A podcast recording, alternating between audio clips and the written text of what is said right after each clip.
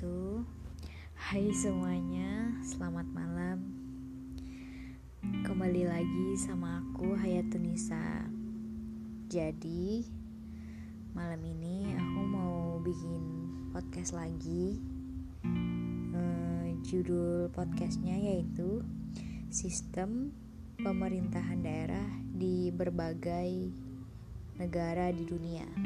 Jadi aku ngambil 10 negara di dunia. Maaf sebelumnya kalau uh, kedengaran ada suara bising-bising gitu, motor lewat mungkin ya mohon dimaafkan. Langsung aja kita ke negara yang pertama yaitu satu pemerintahan daerah di negara Belanda. Seperti halnya dengan Indonesia, Belanda berda berdasarkan konstitusi sejak tahun 1814 adalah sebuah negara kesatuan. Namun, Belanda memiliki sejarah yang panjang sebagai negara konfederasi dan federasi, mulai dari terbentuknya Union of Attached 1579 yang melepaskan diri dari kekuasaan Raja Philip Spanyol. Hingga tahun 1795 saat invasi Prancis ke Belanda. Provinsi-provinsi semula memiliki kedaulatan dan otonomi baik di bidang eksekutif, legislatif, maupun yudikatif. Saat ini yang sangat berperan dalam pemerintahan adalah prinsip desentralisasi. Nah, jadi apa itu desentralisasi di Belanda? Desentralisasi dibagi menjadi dua, yaitu desentralisasi teritorial dan desentralisasi fungsional. Desentralisasi teritorial yaitu kekuasaan di provinsi dan lokal atau municipal baik provinsi maupun municipal bisa dibentuk atau dirubah berdasarkan undang-undang parlemen. Sedangkan desentralisasi fungsional diberikan kepada satu badan tertentu untuk menjalankan komoditi, badan industri, dan lain-lain. Semua bentuk desentralisasi mendapatkan kekuasaan dari konstitusi dan aturan hukum lain yang lebih rendah.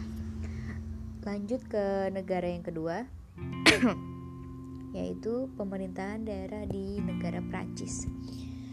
Penyelenggaraan pemerintah daerah di Prancis merupakan gabungan yang seimbang antara prinsip desentralisasi dan dekonsentrasi. Pemerintahan daerah di Prancis terdiri dari tiga teritorial, yaitu region, departemen, dan commune. Yang pertama, region. Region merupakan satuan terbaru dibentuk sejak adanya Undang-Undang Desentralis 1980. Yang kedua, departemen memiliki tugas utama mempertahankan solidaritas antara daerah-daerah pedesaan dan solidaritas sosial untuk orang tua, cacat, jompo, dan masyarakat miskin. Komuni adalah satuan unit birokrasi dan pemerintahan yang terkecil di Perancis. Lanjut ke negara yang ketiga ya, yaitu pemerintahan daerah di negara Argentina. Argentina merupakan sistem pemerintahan republik presidensil, yaitu sistem pemerintahan yang kepala negara dan kepala pemerintahannya adalah seorang presiden. Melalui pemilihan umum yang dilaksanakan setiap empat tahun sekali, ibu kota Argentina adalah kota Buenos Aires. Argentina merupakan negara dengan sistem persatuan federal. Di dalamnya terdapat 23 provinsi dan listrik ibu kota dan distrik ibu kota federal yaitu Buenos Aires. Kemunculan federalisme di Argentina ada setelah perjuangan panjang antara pendukung pemerintah pusat dan pendukung kepentingan provinsi. Lanjut ke negara yang keempat yaitu pemerintahan daerah di negara Jerman.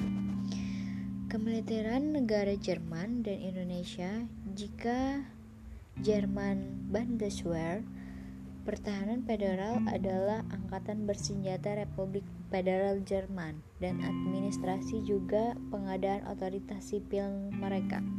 Sedangkan Indonesia, Tentara Nasional Indonesia atau disingkat menjadi TNI adalah nama untuk angkatan. Sistem politik Jerman adalah sebuah republik parlemen federal sedangkan Indonesia adalah sebuah negara hukum yang berbentuk kesatuan dari negara Indonesia.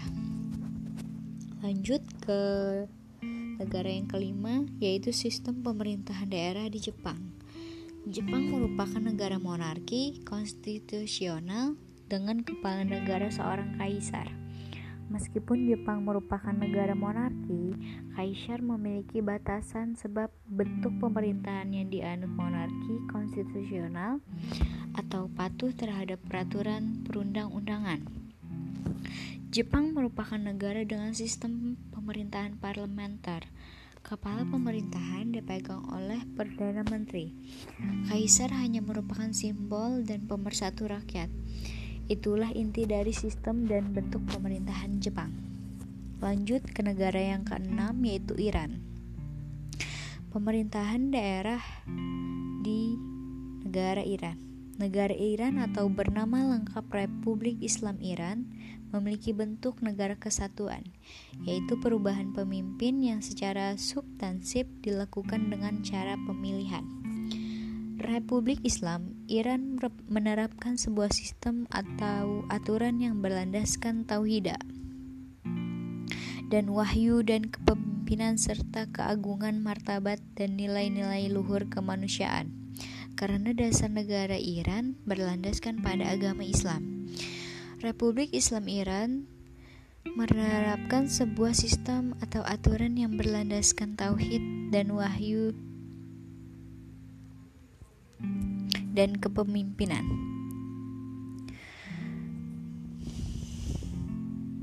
Tujuh, negara India. Pada sistem pemerintahannya, India menganut sistem pemerintahan Republik Federal Parlementer, yaitu sistem pemerintahan yang kepala negaranya adalah presiden yang dipilih secara tidak langsung oleh parlemen untuk masa jabatan lima tahun. Sedangkan kepala pemerintahannya adalah seorang perdana menteri yang biasanya dipilih melalui pemilihan umum legislatif setiap lima tahun sekali. Perdana Menteri India adalah pemimpin partai-partai besar yang memenangi pemilihan umum legislatif. Negara kedelapan yaitu Inggris. Negara Inggris menganut demokrasi parlementer. Pemerintahan dipimpin oleh Perdana Menteri dari partai yang menang pemilu atau menguasai mayoritas di parlemen.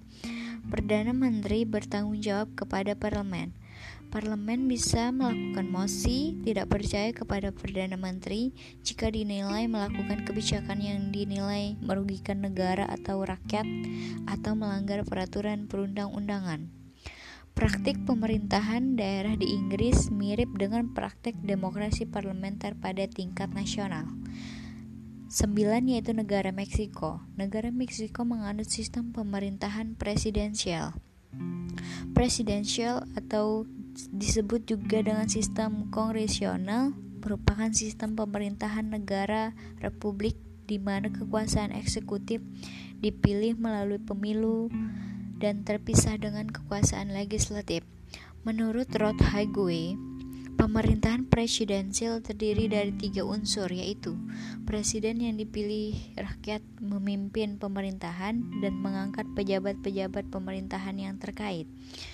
Presiden dengan dewan perwakilan mewakili masa jabatan yang tetap, tidak bisa saling menjatuhkan. Tidak ada status yang tumpang tindih antara badan eksekutif dan badan legislatif. Negara ke-10 yaitu negara Brazil.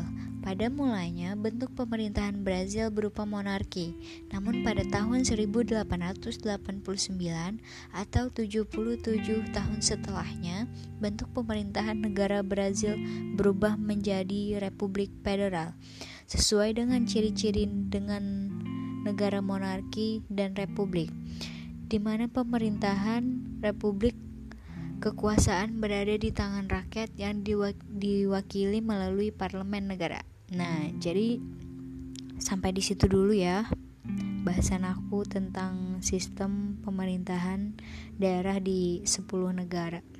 Terima kasih.